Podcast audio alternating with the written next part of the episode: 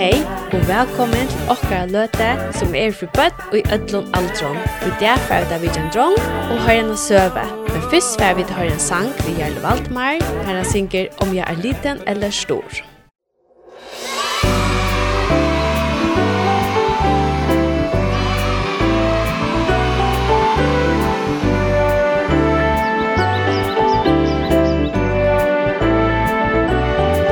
Om jeg er liten eller är stor Så är det bäst för mig på jord.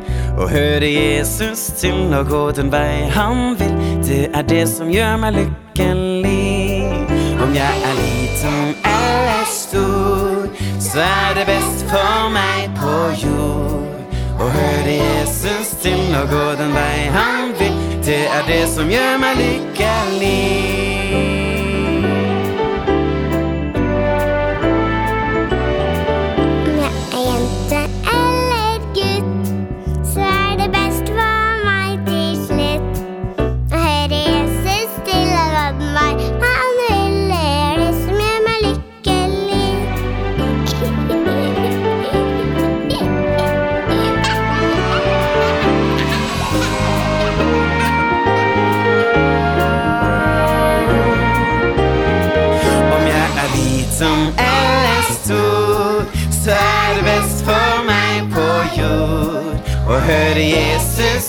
gå den vei han vil Det er det som gjør meg lykkelig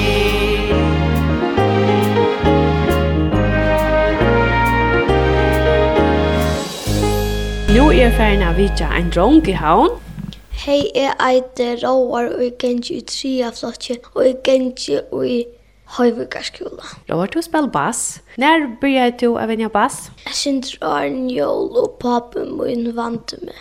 Og hva lærte du nå å spille? Bass. En som eitir Arnholt, Ludvig, til musikkskolan. Hvordan var det å börja? Var det Sinter Torr først, eller var det Sinter Latt?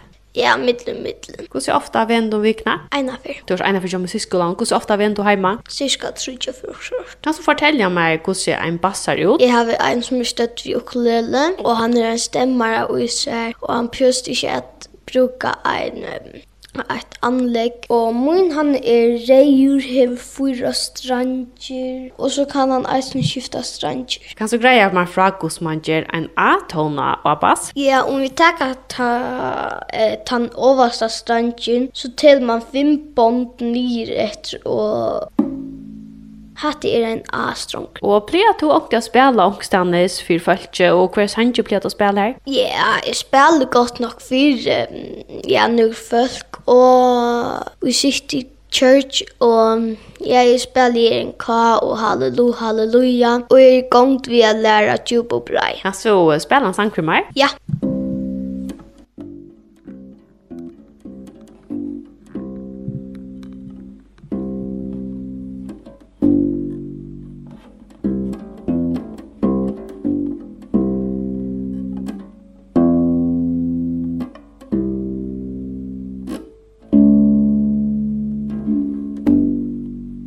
Du går se vi för föräldrar inte att spiller til till är snarare något jag det. Ja, mamma min spiller upp på klaver og et syndi gitar og et syndi ukulele. Og pappa min spiller upp på bass, gitar, klaver og ukulele. Og hvordan er du ordentlig å spille sammen til du er hjemme?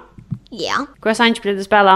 Er en ka, Halleluja, Halleluja. Du, vi synes at det ligger et annet jobb for det. Hva er det for jobb for det? En ukulele. Du, du er ikke spiller på det, ja?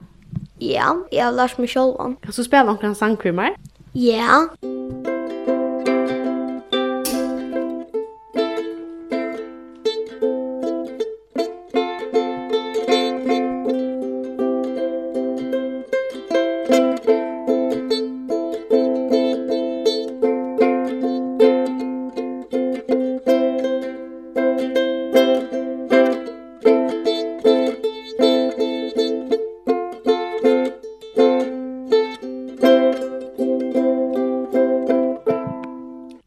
til. Jeg får si takk for pratet.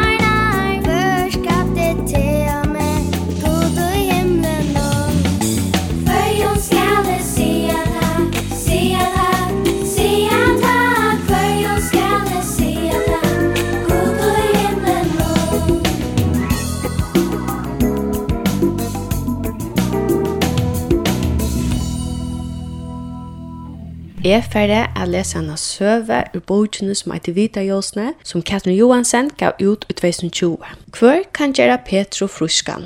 Merita var en jenta av 13 år aldre. Hon bor i at bryanska halanden Hon var i fer vi har spinna ta potot og lama-odlene til en grovan tråd som hon lät renna upp på en vanlig spåla. Hon var dona litt til dette arbeidet, men henta ena dagen ville de arbeid alls ikke etnast jo henne. Hetta kom av at hon var så sorgarbunden. Hon hugsade alla tog om Baja sin Petro. Petro var 8 år gammal. Han var äggvilja sjukor og hei nekvan febor. Hans veitju kropp og rystes av feberherendon, og ofta gav han åskiljande lov fra seg. Mamma mærst og visste ikke hva hun skulle gjøre. Og i de luttele landsbygdene oppunder fjallen er ønsken som hei skil og grua trobla sjukor. Merita falta i av og av sine hender og be til god for sin sjuka badja. Det har hun lært av en kristne skole, her hun er ved tvei år og har lært at lesa og skriva. Skolen la lengt bort fra landsbygden her Merita boe.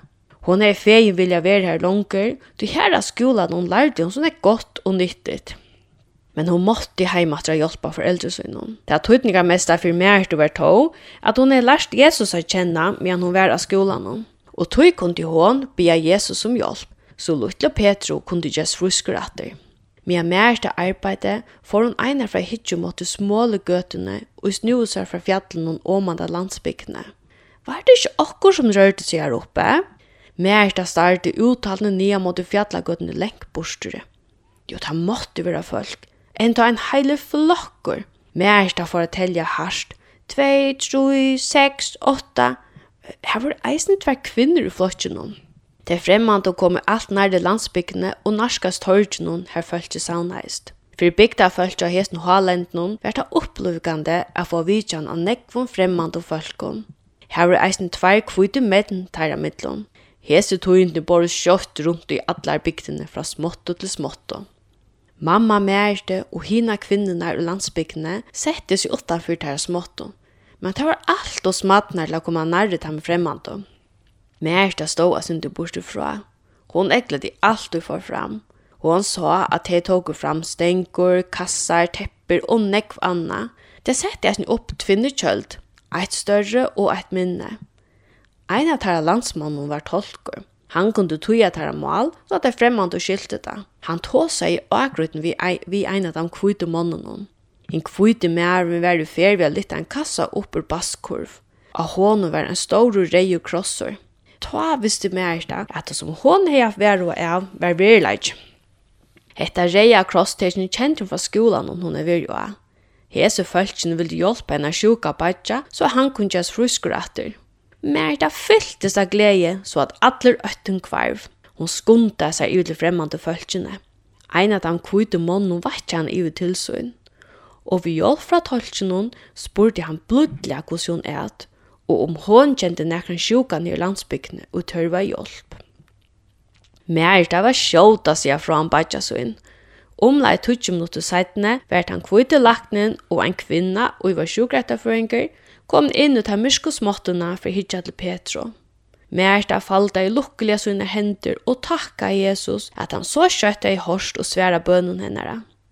Morgonen etter får bæge laknaner og tar hjelparfolk av sted for vi ikke æra bygter av fjøtlen. Men åren der foro, høyde der givet mamma mærte, gåa leipeining om hvordan ofta hun skulle kjeva Petro at i heilveie som de høyde, givet henne, og hvordan hun annars skulle røkta sonen. Sia skal at dronkeren verilig kjøtt var fruskur atter. Det var det ikke nekva dier, så kunne han spela vi hina drønkjenar, og reika rundt om mittel småttenar og klettenar, ein sånn onka du hever olvarslige sjukur. Men Merita hever finnst eina enn større vissi om at god høyre bøner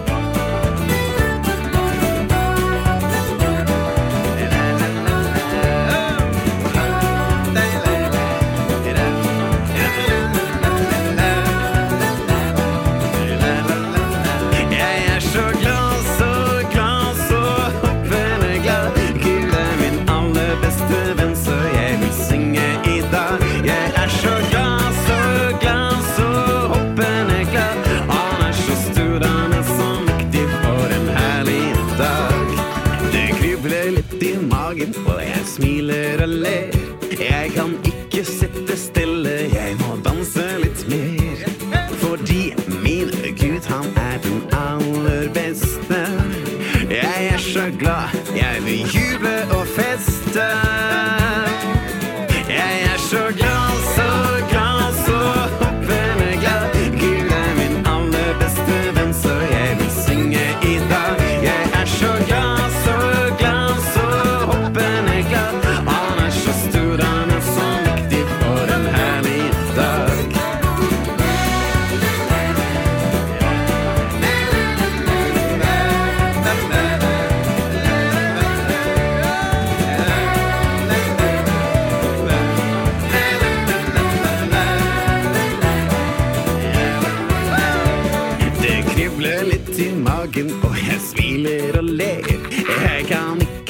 sitte stille Jeg må danse litt sve Fordi min kus han er den aller beste.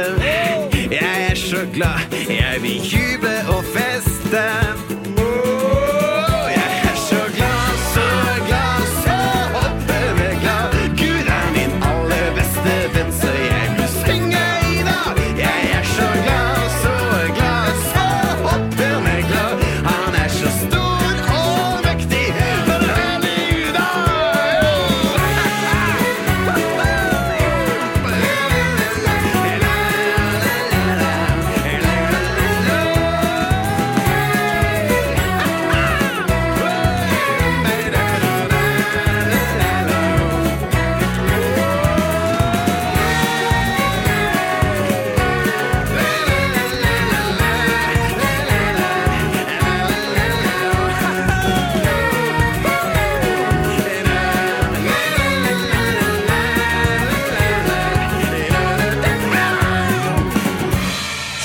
Hetta var alt for i dag. Vi søkjast. Bye bye.